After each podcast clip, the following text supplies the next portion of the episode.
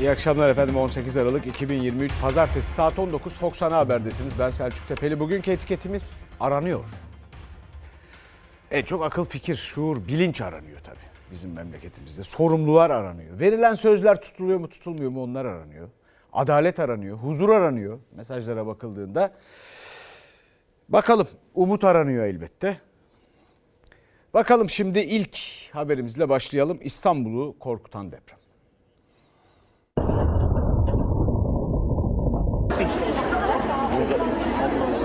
Öyle bir coğrafyada yaşıyoruz ki deprem coğrafyası. Vakit dar. 2030 yılına kadar Marmara için 7 ve daha büyük bir depremin olma olasılığı %50 dersem vakti siz düşünün, takdir sizin. Türkiye peş peşe iki depremle sarsıldı. Önce saat 23.53'te Yalova Çınarcık merkezli 4,1 büyüklüğündeki depremle sallandı Marmara. Sarsıntı İstanbul'da da hissedildi. Çok geçmeden saat 01.15'te Gümüşhane Kelkit'te 4,3 büyüklüğünde deprem kaydedildi. Gözler fay hatlarına çevrildi. Çınarcık fayıyla Adalar fayı arasında bir çöküntü zonu var. Onun içinde normal faylar var. Onlar küçük küçük depremler yaratıyorlar. Öyle bir deprem bu. 6 Şubat depremlerinin acısı taze. Olası büyük İstanbul depremi içinde vaktin daraldığını söylüyor uzmanlar. Hissedilen her deprem o gerçeği bir kez daha hatırlatıyor. Yalova Çınarcık merkezi 4,1 büyüklüğündeki depremde İstanbul, Balıkesir ve çevre illerde hissedildi. Deprem profesörü Haluk Eydoğan'a göre Büyük İstanbul depreminin beklendiği faya komşu bir fayda yaşandı deprem. Sonrasında da 10 artçı sarsıntı daha kaydedildi. Hatay'dan geldiğim için 6 Şubat gecesini tekrar hissettirdi bana. Ekstra bir gerginlik ve tedirginlik hala mevcut. Kelkit merkezli 4,3 büyüklüğündeki sarsıntıda da en büyük korkuyu 6 Şubat depreminin ardından Gümüşhane'de eğitime devam eden üniversiteliler yaşadı. Yurtlarına giremediler, geceyi ateş başında geçirdiler. İki depremde de can kaybı yaşanmadı ama olası İstanbul depremi için uzmanlar acil önlem çağrılarını yineliyor. Yapılan tüm hesaplara göre 2016 ile 2030 arası Marmara Denizi içerisinde 7 ve daha büyük bir depremin olma olasılığı %50. Bu büyük bir ihtimal. Bizim yaşadığımız mekanları depreme dayanıklı hale getirmemiz lazım. İktidar tarafından her yıl genel bütçeden bir pay ayrılması lazım. Efendim kusura bakmayın. Evet çok korkutucu. Evet gündem ama ne iktidar, ne siyaset, ne de milletimizin kahir ekseriyetinin buna bir çözüm, samimiyetle ve ciddiyetle bir çözüm aradığı kanaatinde değilim. Belki umutsuz olduğu için ama dünya böyle yaşamıyor. Birleşmiş Milletler'e kayıtlı 200'ün üstünde ülke var. Birkaçı dışında biri biziz. Böyle bir korkuyla yaşamıyor. Bunun çözümü o kadar zor değil. Bakalım şimdi başka hallolmamış meseleler aranıyor. Kim aranıyor efendim? Wanted. Aranıyor. Kim? Somalili Somali Cumhurbaşkanı'nın oğlu bir kurye kardeşimizi öldürdü biliyorsunuz. Arkadan çarparak aracıyla. Hem de kullanma yetkisi olmayan bir araçla. Sonra da kaçtı gitti. Bir sürü ihmal ya da kasıt. Neyse onlar hakkında da ne yapılıyor bilmiyoruz. Yunus için adalet. İki rapor arasındaki çelişkiyi gidermek için de Adli Tıp Kurumu'na gönderildi dosya. Adli Tıp Kurumu'nun raporu bekleniyor. Şüpheli Muhammed Hasan Şeyh Mahmud'un asli derecede kusurlu, Yunus Emre Göçer'in tali derecede kusurlu olduğu kanaatini bildirir müşterek rapordur. Kaza anının en net görüntüsü ortaya çıktı. O görüntüyle birlikte Adli Tıp Kurumu da beklenen raporu açıkladı. Somali Cumhurbaşkanı'nın oğlu asli kusurlu bulundu. Henüz bir iade talebi ise yok. Emre'den çok emindim ben. Şu an dosyamız tam. Her şey bizim taraftan dolayı. Haklıyız. Ee, davamda yine devam ediyorum. Ben bu şekilde olmamalı. Hani burada vurup ezecek, gidecek ve hiçbir za- ceza çekmeyecek. Ee, ben bekliyorum. Hala bekliyorum.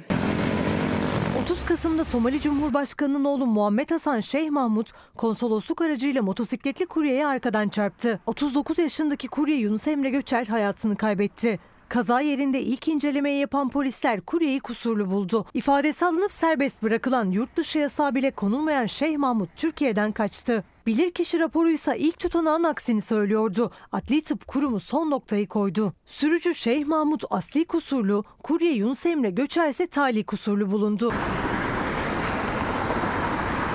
Avrasya Tüneli çıkışına ait bu yeni görüntüler ışığında hazırladı Adli Tıp Kurumu raporunu. Bu görüntü ilk görüntüden farklı bir açı. Kurye bulunduğu şeritte yavaşlıyor, sağ kırıyor. Arkadan hızla gelen Somalili sürücü ise frene çarpmaya yakın dokunuyor. takip mesafesini erite, eritecek biçimde e, hızlı gittiğini ve çarpışma temasına kadar da hızını azaltmadığını görüyoruz. E, asli kusurlu olduğunu net bir şekilde söyleyebiliyoruz.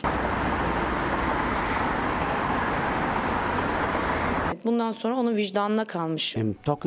Dönmesi ve mahkemede bulunması için konuşuyorum ama bu onun kararı. Küçük bir çocuk değil, onun kararı ama benim tavsiyem bu yönde. Somali Cumhurbaşkanı oğluna Türkiye'ye dönüp yargılanması için tavsiyede bulundu ama henüz resmi bir girişim yok. Adalet Bakanı'na göre raporlar arasında çelişki vardı. Artık o da ortadan kalktı. Türkiye'nin atacağı adım beklenirken kuryeler başkentten meclisin önünden ses yükseltti.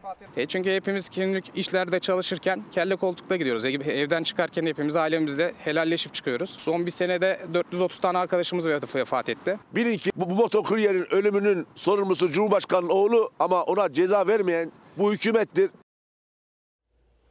Somali Savunma Bakanı hayatını kaybeden kurye kardeşimizin eşini aramış. Somali Cumhurbaşkanı'yla da görüştürmüş. Taziye iletecekler falan filan. Da bu adam nerede? Bu adam nerede? Şimdi dünyayı görüyorsunuz. Bakın dünyayı görüyorsunuz. Somali'den bahsediyoruz ya. Somali'den bahsediyoruz ki dünyanın da yardımını yaptığımız söyleniyor maddi olarak. Şimdi bu adam yüzünden iktidara bu ülkenin hükümetine söylemek istediğim bir şey var. Bu adam yüzünden tüm söylemleriniz aşınacak ve hep önünüze çıkacak.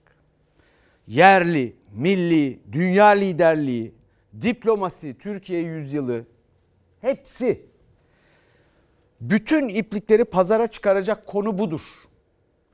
Göreceğiz bakalım dünya liderliği, diplomasi kuvvetini, Türkiye'yi falan. Göreceğiz yani nasıl yönettiğinizi bu ülkeyi. Göreceğiz. Bu adam buraya gelecek. Şimdi geçelim başka bir yani biraz biraz gerçekten devlet bilinci aranıyor diyeceğimiz bir konuya. Devletin imkanlarını teslim ettiğimiz iki bakan var sırada. İki bakanlığın başında da milli diyor. Milli yazıyor. Milli Eğitim Bakanlığı. Milli Eğitim Bakanlığı bakanı tarikat savunması yaptı. Sonra bir şeyler söyleyeceğiz ama baştan şöyle diyelim. Hiç mi ders almadınız ya? Ne işi var bakanlıkta İsmail Ağa tarikatının? Nasıl misafir edebiliyor? Bunları sormayacağız mı? Sizin tarikat cemaat dediğiniz, bizim STK dediğimiz yapılarla toplasanız 10 tane protokolümüz vardır. Onlarla da protokol yapmaya da devam edeceğiz. Çatlıyorsunuz. En çok Fethullahçılarla ilişkisi olan vekiller bize en çok saldıranlar oldu. Galiba sizin de böyle bir yaranız var. Bunu anlıyorum. Milli Eğitim Bakanı Yusuf Tekin tarikatlarla, cemaatlerle bakanlığın yaptığı protokolleri savundu. Bize göre sivil toplum kuruluşları diyerek. Protokol yaptığımız bu sivil toplum örgütleri sizin çocuklar daha çıkarmanıza engel olduğu için çatlıyorsunuz. Ben o STK'larla protokol imzalamaya devam edeceğim. Enes Kara, tarikat yurdunda özgürlüklerin elimden alındı diyerek yaşamına son veren bir tıp öğrencisi. Milli Eğitim Bakanlığı bütçe görüşmelerinde muhalefet tarikatlara, cemaatlere ait yurtları gündeme getirdi. Bakanlığın tarikat ve cemaatlerle imzaladığı protokolleri FETÖ hatırlatmasıyla. FETÖ'ye polis akademisinin sorularını veren iktidarsınız siz. FETÖ'ye askeri okulların sorularını verenlersiniz. Ve yine FETÖ'ye ne istediğinizde vermedik diyenlersiniz. FETÖ'nün Türkçe olimpiyatlarına para basan sizsiniz. Sizin tarikat cemaat dediğiniz, bizim STK dediğimiz yapılarla toplasanız 10 tane protokolümüz vardır. Bu protokollerle bize hizmet eden, bize destek olanlara da teşekkür ediyorum. Onlarla da protokol yapmaya da devam edeceğiz. 2016'da Karaman'da 45 çocuğa cinsel istismar işlendiği zaman İl Milli Eğitim Müdürü olan ve faille fotoğrafı bulunan Asım Sultanoğlu iyi tanırsınız. Çünkü iyi bir arkadaşımız demişsiniz. Bu zat Urfa'ya Milli Eğitim Müdürü olarak atandı.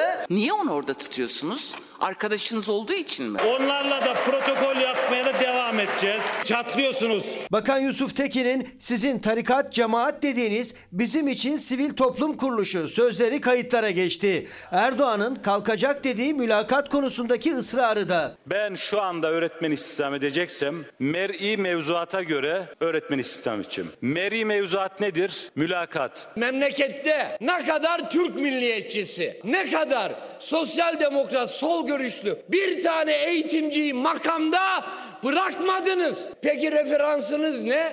Referansınız şu. Tarikat, yandaş sendika, cemaat grup. Siz FETÖ'nün tarih boyunca yol arkadaşıydınız. Muhalefet tarikatlarla, cemaatlerle protokole devam edeceğiz diyen Milli Eğitim Bakanı Yusuf Tekin'in mülakat ısrarının da nedeni kadrolaşma dedi.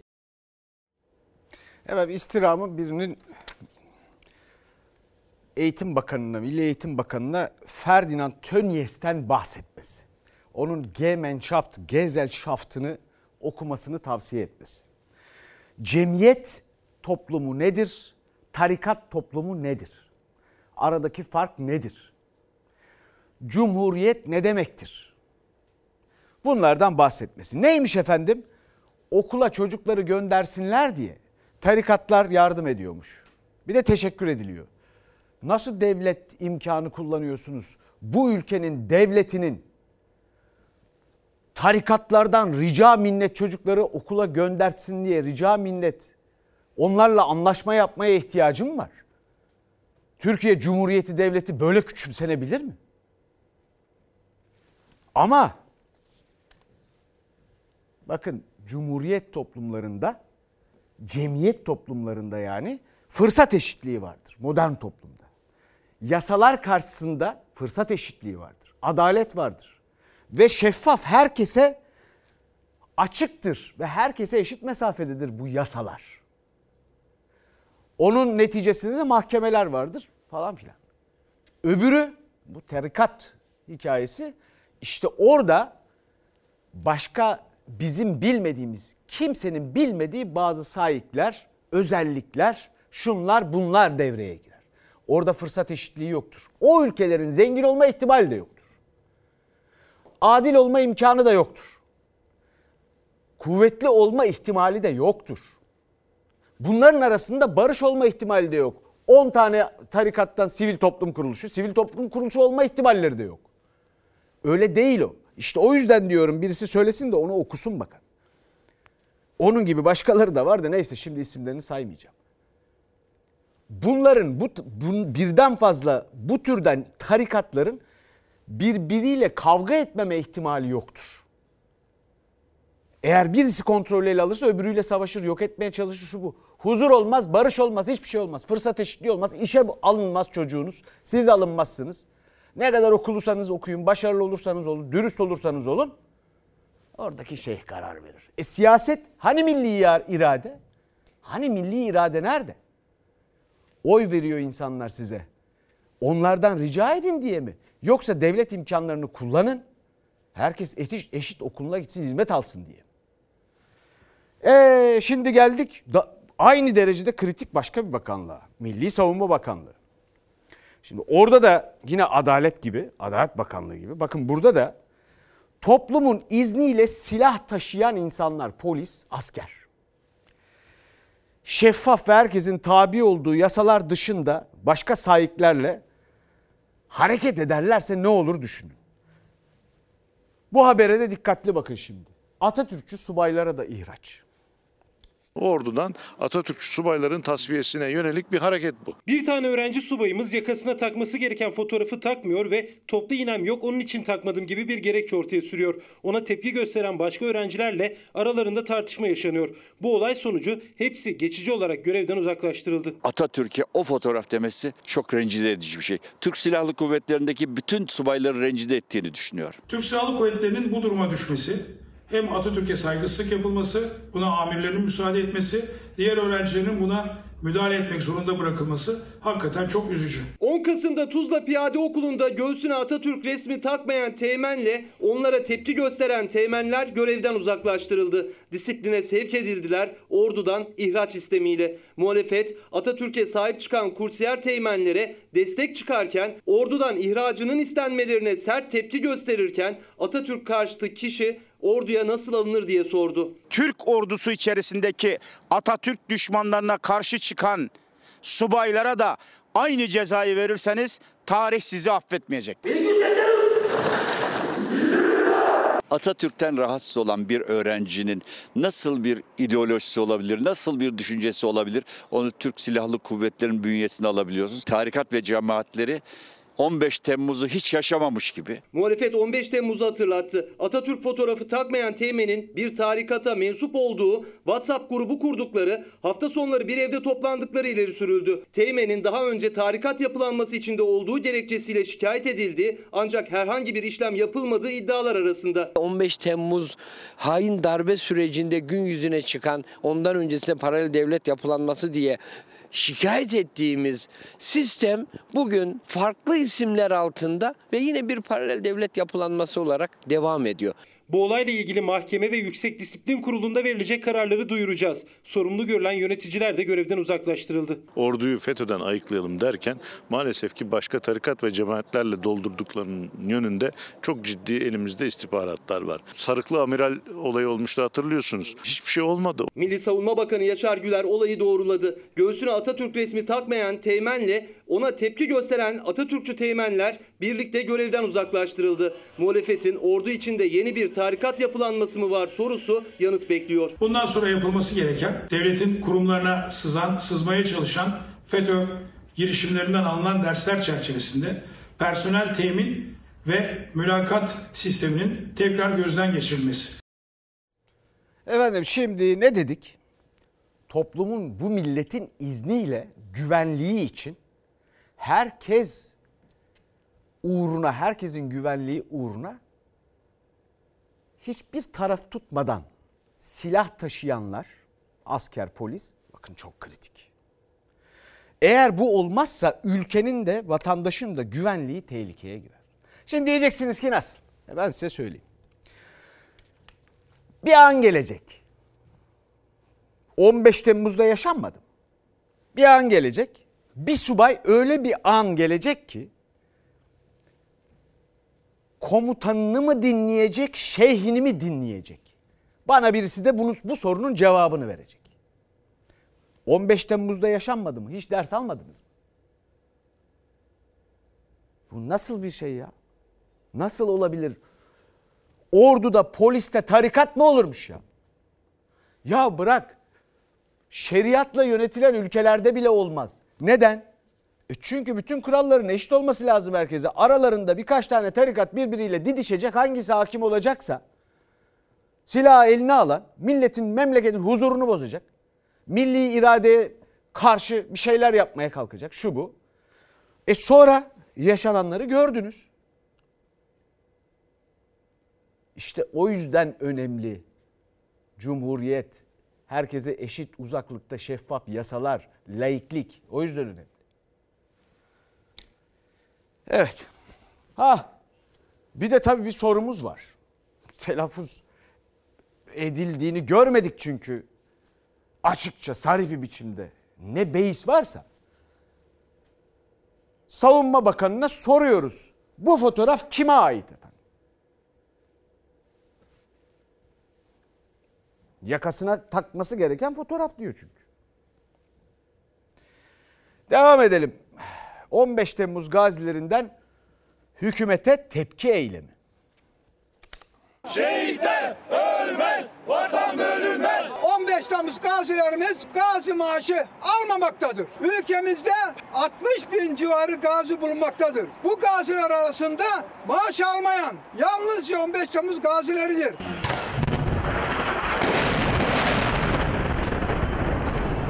Alma mazlumun ahını çıkar ayet ayette. Verilen sözler tutulmadı, gazilik maaşı almıyoruz, özlük haklarımız yok diye ses yükseltti 15 Temmuz gazileri. Gazi yaptınız ama gazi aylığı yok. Madalya verdiniz, gazi aylığı yok. Fethullahçı terör örgütünün darbe girişimi sonrası 15 Temmuz gazileri ve şehit yakınları için yardım kampanyası düzenlendi. 379 milyon lira destek sağlandı. Ancak o para gaziler ve şehit yakınlarına dağıtılmadı. Aile ve Sosyal Hizmetler Bakanlığı en son Eylül ayında 15 Temmuz şehit yakınları ve gazilere 11,9 milyon lira ödendiğini açıklamıştı. 15 Temmuz gazilerimize, şehitlerimize toplanan para bugünkü değeriyle 3 milyar civarında. Bu parayla her gazimiz birer daire alabilirdi. Paranın bir kısmı buhar oldu. 15 Temmuz şehit yakınları ve gaziler için toplanan para yıllardır tartışma konusu. Muhalefet neden dağıtılmıyor sorusunu sürekli gündeme getirirken bu kez gaziler ses yükseltti meclis kapısında. Kendilerine gazi aylığı bağlanmadığının da altını çizerek. Bana atılan dört kurşun benim canımı yakmadı. Yapılan haksızlık, hukuksuzluk, adaletsizlik bizim canımızı yaktı. Şu an bir bomba atıldı. Şehit yakınları ile gazilerimiz aileleri için kullanacakları kaynak da vakfımızın hesabına aktarıldı. Bize verilen sözler tutulsun. Her gittiğimiz yerde maaş alıyorsunuz diyorlar ya. Yeter artık ya. Bıktık, bıktık, bıktık. Süresiz eylem kararı aldı 15 Temmuz gazileri. Haklarını alana kadar Ankara'da alanlarda olacaklar. Efendim şimdi iç siyasete geçelim. Yani dünya tarihinde bu arada kendimi alamıyorum. Dünya tarihinde hiç görülmemiştir tarikatların barış içinde yaşadığı, efendim bir insana katkılarının olduğu böyle bir ülke bir toplum halinde yaşanırken bir kısmını ayırıp eziyet etmedikleri görülmemiştir. Ne Osmanlı'da da öyledir ne başka dünya tarihinde siyasi tarihinde öyledir. Kaç kere yaşanacak bu daha ya? Efendim Cumhurbaşkanı Erdoğan İstanbul Büyükşehir Belediyesi için başka yerler için de aday arıyor. İstanbul Büyükşehir Belediyesi için özellikle gündem oluyor bu arama tabii. Peki biz de soruyoruz aramakla aday bulunur mu? Aralık ayının sonuna kadar inşallah yetişecek bu çalışmalar. Adayların ortaya çıkarılması konusunda tabii ki bu titiz çalışmaları yapacağız. Ben şahsen İstanbulluların ihtiyaçlarına odaklı bir kampanya yürüteceğimi, çok fazla adayların üzerinden bir kampanya yönetmediğimi defalarca dile getirdim. Cumhurbaşkanı Erdoğan'ın İstanbul'da aday belirleme mesaisinden yine isim değil tarih çıktı. AK Parti sözcüsü Cumhur İttifakı'nın İstanbul Büyükşehir Belediye Başkan adayının isminin Aralık ayı sonunda açıklanacağını söyledi. AK Parti İstanbul'a aday ararken adaylığı kesinleşen tek isim Ekrem İmamoğlu. 5 yıldır muazzam bir diyalog köprümüz var İstanbullularla. Tabiri caizse sokak sokak, mahalle mahalle, ilçe ilçe. Bunu çok güçlü bir kampanyaya inşallah dönüştüreceğiz. Her partinin adayı hayırlı olsun. Gecikmeden bir an önce açıklamayı hedefliyoruz. Cumhurbaşkanı Erdoğan il başkanlığında kurmaylarıyla yaptığı aday zirvesinde İstanbul için 3 isim önermelerini istedi. Teşkilatta Fatih Belediye Başkanı Ergün Turan, vekillerde ise Fahrettin Koca ve Murat Kurum isminin öne çıktığı belirtiliyor. Ben Murat Köse. Ankara Büyükşehir Belediye Başkanlığı adaylığına talip olduğumu büyük bir heyecanla açıklıyorum. Ankara içinde AK Parti çalışmalarını sürdürürken aday adaylığını duyuran ilk isim Mamak Belediye Başkanı Murat Köse oldu. Mamak'ta da bir ufak bir araştırma yaptım. Burada bayağı bir kabul üyesi var. Sizin kabilenizin üyeleri. Mesela Murat Efe şirket müdürü. Bu kayınçonuzmuş. Mehmet Duran özel kalem müdürünüz, yeğeninizmiş. Metehan Güler, Aykome'de bilim sorumlusu, ablanızın oğluymuş. Söylediğiniz cümleler içerisinde de doğru olanlar var ama yanlış olanlar da var. Ankara Büyükşehir Belediyesi AK Parti Grup Başkan Vekili de olan Murat Köse'nin Mamak Belediyesi'ne akrabalarını işe yerleştirdiğine ilişkin iddialar gündeme gelmişti. Hatta kendi partisinden AK Parti Mamak Belediye Meclis Üyesi Esra Yılmaz da Murat Köse'yi yolsuzluk yapmakla suçlamış, konuşması kesilmişti. Hala akraba çeteniz kimi isterse Esra'nın kesmek zorunda. Hayır nasıl keseceksiniz? Niye özel olsun? Taşın altına elimi ve gövdemi koymaya sizlerle beraber başkentimize pırıltısını yeniden kazandıracak çalışmalar üretmeye talibim. Murat Köse, Mansur Yavaş'a rakip olmak için aday adaylığını duyurdu. Ama AK Parti'den bir açıklama yok. CHP'li Adana Büyükşehir Belediyesi'ne ise ihaleye fesat karıştırma ve rüşvet iddialarıyla sabah saatlerinde operasyon düzenlendi. 10 kişi gözaltına alındı. Bizim belediye başkanlarımızı itibarsızlaştırmanın hiç kimsenin gücü yetmez. Biz birilerine para kazandırmak niyetinde buraya gelmedik. Bizim belediyelerimizde kanuna aykırı asla bir şey olmaz. Ve herkes biliyor ki 31 Mart'ta buradaki başkan değişmeyecek. Herkes oy veriyor. CHP Adana Büyükşehir adayını henüz açıklamadı. Ancak CHP Genel Başkan Yardımcısı Burhanettin Bulut operasyona tepkisini dile getirirken 31 Mart'ta belediye başkanı değişmeyecek diyerek Zeydan Karalar'ın bir kez daha aday gösterileceğini duyurdu. Aramakla aday bulunur mu?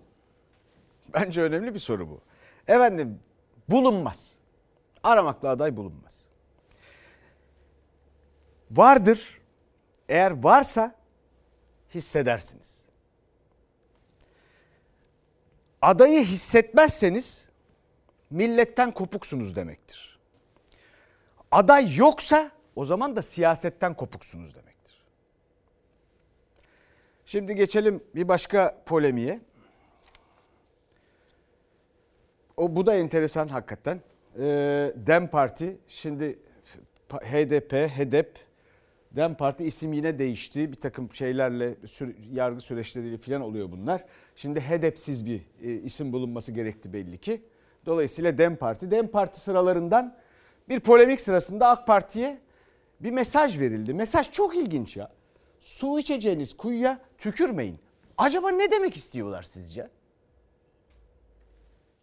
DEM Partisi Grup Başkan Vekili tarafından İmralı'daki terörist başını göstererek elde edilen demokratik kazanımları ona mal etme yalanını ortaya atmıştır. Her ettiğiniz lafın geçmişini bir düşüneceksiniz. Su içeceğiniz kuyuya tükürmeyin. Anlatabildim mi? Bunu da yazın bir kenara. Dem Parti Grup Başkan Vekili Saruhan Oluç'un hararetli tartışmanın tam ortasında AK Parti grubuna yolladığı imalı mesaj Meclis Genel Kurulu'nu dalgalandırdı. Kapalı kapılar ardında görüşüyorlar iddialarının gölgesinde ilk tepki ve sorular İyi Parti'den geldi. Su içeceğiniz kaba tükürmeyin. Bunu da bir yere yazın dedi. Biz hakikaten İyi Parti grubu olarak bunun ne anlama geldiğini çok merak ediyoruz. Bir pazarlık mı, bir dostluk mu, bir süreç mi başlatılıyor?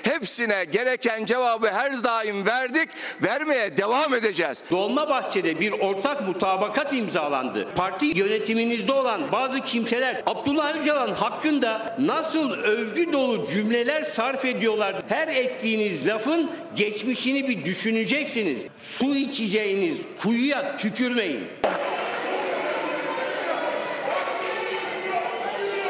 Bir gün önce AK Parti Grup Başkan Vekili Özlem Zengin'in genel kurulu terk etme kararı alıp arkadaşlarına dışarıya çıkmalarını söylerken yaptığı hareket. Zengin sık sık tartıştıkları Meclis Başkan Vekili Gülizar Biçer Karaca'yı protesto etmek için ani bir karar aldı. El kol hareketleri ve sözlü olarak arkadaşlarını dışarıya çıkarmak için kapılara yönlendirdi.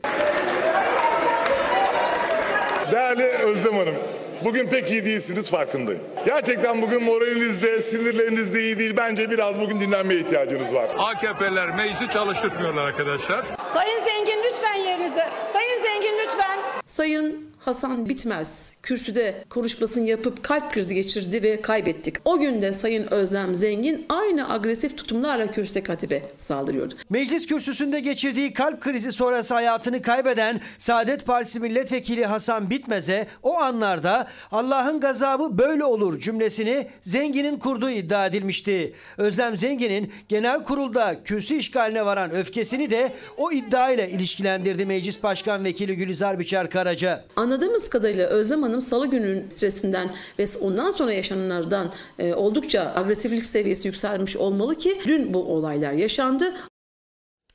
Şimdi efendim tüm konuşma ilginç. Hayatını kaybeden vekilin konuşması ilginç. Saadet Partili vekilin konuşması. Tutanaklarda var. Tutanaklarda ayrıca ne var? İşte Allah'ın gazabı budur dendiği. Hayatını kaybederken. Şimdi o dedi bu dedi meselesi tamam bir kenara tutanaklara girmiş bu var bu ifade. Özlem Hanım dedi ya da demedi. Neden çıkıp AK Parti'de herkes birbirini bu kadar tutarken böyle güçlü kuvvetli efendim kol kola bir takımlar madem neden kimse çıkıp demiyor ki Özlem Hanım demedi ben dedim diye. Yok öyle değilse de o zaman Özlem Hanım dedi demektir. Gayet basit değil mi ya? Ha bu arada da bu işte HADEP, HEDEP, DEM Parti neyse buradaki siyasi benim buradan anladığım su içeceğiniz kuyuya tükürmeyinden. Bakın halktan kopuk seçmenden kopup kopuk meclisteki siyasi entrikalarla artık seçmenlerini yönlendirebileceklerini zannetmiyorum.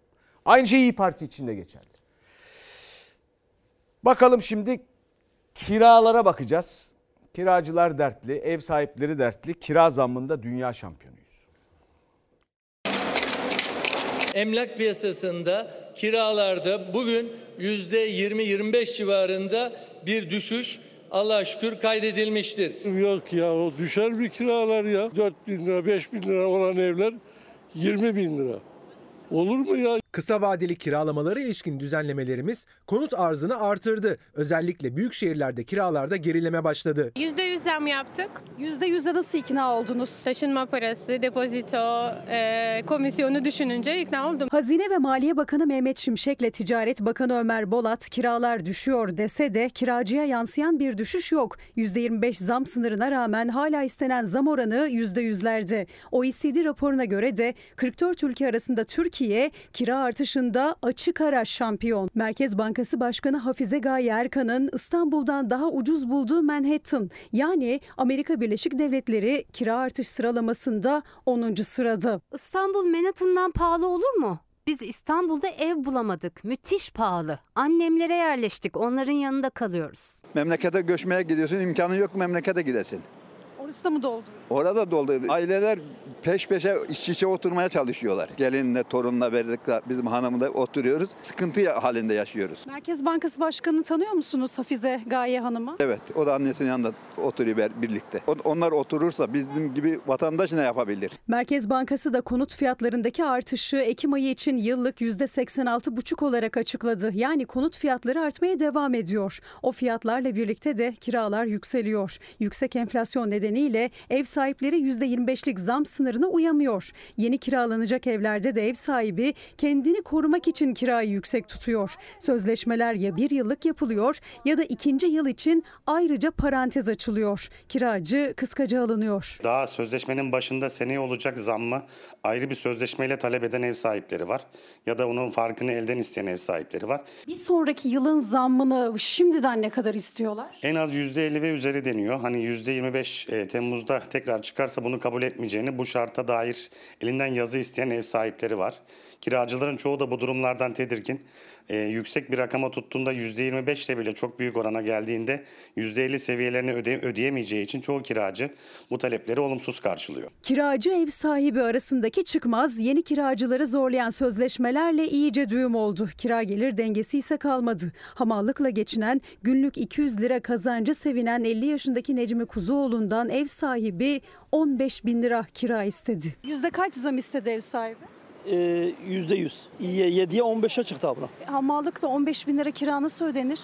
Vallahi onu bilmiyorum. Nasıl yapıyorsunuz market alışverişini? Su, suyla ekmek yiyoruz. Merkez Bankası Başkanı Hafize Gaye Hanım Sadık abiden eğer tavsiye istiyorsa yığınla danışmanlık parası veriyorlar. İşe yaramaz bir yığın insana belli ki. Sadık abiye de bir danışmanlık parası ayırsalar iyi olabilir. Şimdi gelelim lahmacunda 2 yıllık enflasyon %275.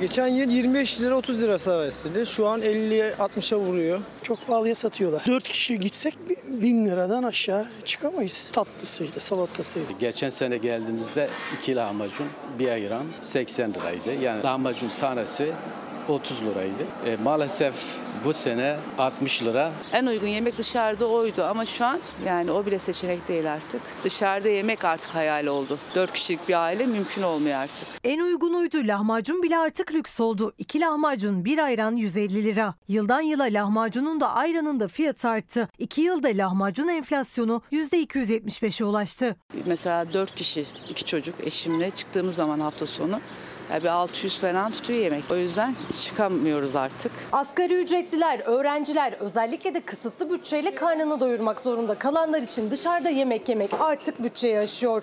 Örneğin lahmacun. Geçen yıl iki lahmacun bir ayranın fiyatı 40 liraydı. Bu yılki fiyatı ise 80 lira. Yani bu yıl bir lahmacun fiyatına geçen yıl iki lahmacun ve bir ayran alınabiliyordu. Geçen yıl aynı tarihte geldiğimiz Bakırköy İncirli'de yine aynı restorandayız. Bundan bir yıl önce iki lahmacun bir ayranın fiyatı 80 liraydı. Şimdiki fiyatı 150 liraya çıktı. Müşteri şu an istediği bir yemeği yiyemiyor. İki günde bir yiyebiliyorduk. Ee, yani açlığımızı giderebiliyorduk. Ama çok severim. Ee, canım çok çekerse kendim sadece kendimi alıp yiyebiliyorum. Geçen yıl rahatlıkla 100 lira yiyebileceğiniz dışarıdan bir yemeği şu an 200 liraya yiyemiyorsunuz bile. Kalitemiz gitgide düşüyor, fiyat gitgide artıyor. Aynı restoranda tek lahmacun 2021'de 15 liraydı. 2022'de 30 liraya yükseldi. Artık 60 lira ama yerinde duracak gibi de değil. 60 lira mı? Asgari ücrete çalışan 60 TL nasıl lahmacun yesin ki? Bu da kurtarmıyor. Ayın sonuna doğru 70 yapacağız. Maliyetler yükseldiği için geçen sene et 200 liraydı.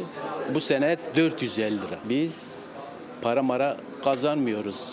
Parayı bırak ay sonu kirayı, kirayı kasaba ödemeyi, elektrik su faturaları ödemeyi onu düşünüyoruz. Böyle devam ederse zaten bu lahmacunu da yiyemeyecekler. Öyle bizim gibi emekler mümkün değil. Dışarıda yeme şansımız yok. Bir de lahmacunun içinde ne var? Efendim geldik fenomen zımbırtılarına. Bir fenomen daha tutuklandı. Bu para nereden geliyor diyorlar. Şampiyonlar Ligi notuyla paylaşılan bu sofradaki fenomenlere soruşturma başlatılmıştı. Mali Suçları Araştırma Kurulu MASAK, Başsavcılığa ivedi başlıklı bir rapor gönderdi. 13 fenomenin hızla ifadelerinin alınması istendi. Mal varlıklarının nasıl edinildiğine dair bilgi ve belgeler talep edildi. Bak şimdi tükürmüyorum devran görünce devran dönünce tüküreceğim ben. Şirket benim şirketim. Bir şekilde iflasa sürükleniyorsunuz yani. Çok da herkesin emeği vardı onu, ona üzülüyorum. Dilan Polat ve Engin Polat'ın tutuklandığı kara para aklama ve vergi kaçırma soruşturmasına Eylül Öztürk'ün de aralarında olduğu bu fotoğraftaki 13 fenomen de dahil edildi. Mal varlıklarına el konuldu. Şirketlerine kayyum atandı.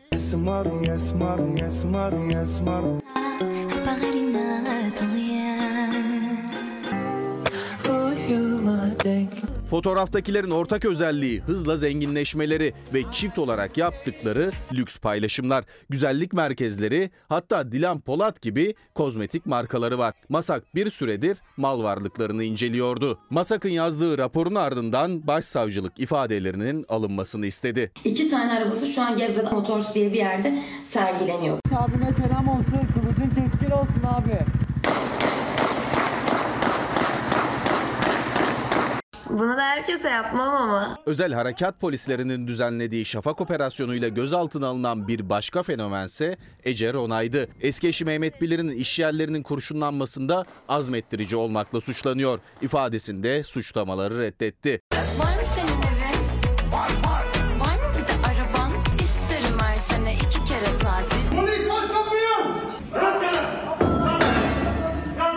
Aynı operasyonda gözaltına alınan 3 şüpheli ise ifadelerinde talimatı yurt dışında yaşayan Kaan A'dan aldıklarını itiraf etti. Şüpheliler silahla tehdit, suç işlemek amacıyla kurulan örgüte üye olma suçlarından tutuklama talebiyle mahkemeye sevk edildi. Ece Ronay'ın ise adli kontrol şartıyla serbest kalması talep edildi.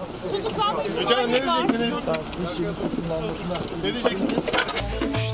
Baksana görebileceğin en güzel manzara Bak şu pozlara yakışır tek ona Hasta oluruz böyle bir doktora Efendim HPV aşısı için söz verilmişti. Bu verilen söz ne zaman tutulacak?